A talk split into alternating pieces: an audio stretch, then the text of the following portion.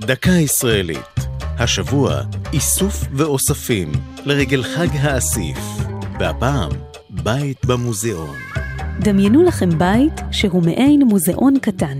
את הסלון, חדר השינה, חדר המוזיקה ויתר החללים מקשטות יצירות קרמיקה של פיקאסו, פסלים מתחילת דרכו של הנרי מור, עבודות של ראול דופי, ז'ורג' ברק ואחרים. בית שכזה שוכן בשטח מוזיאון ישראל בירושלים. עד שנת 2002 התגוררה בו האספנית הבלגית שרלוט ברגמן, שמתה בגיל 99, מוקפת בחפצי האומנות שאספה במשך השנים עם בעלה.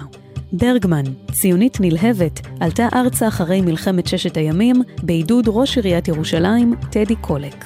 הוא הבטיח לה שתגור במתחם המוזיאון כדי שהאוסף שלה יהיה מוגן מבלי שתידרש להיפרד ממנו. את היצירות הסכימה ברגמן לתרום למוזיאון, שהיה אז בראשית דרכו והשתוקק להציג אומנות מודרנית ובינלאומית.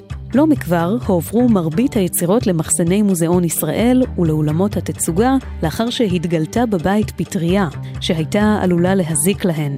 בית ברגמן פתוח כיום לאירועים מיוחדים בלבד, ומממש במידת מה את תקוותה של ברגמן, שישמר כמשכן ייחודי של אספנית אומנות במאה ה-20. זו הייתה דקה ישראלית על איסוף, אוספים ובית במוזיאון. כתבה אור זועי סולומוני. ייעוץ הדס עופרת. הגישה מרים בלוך.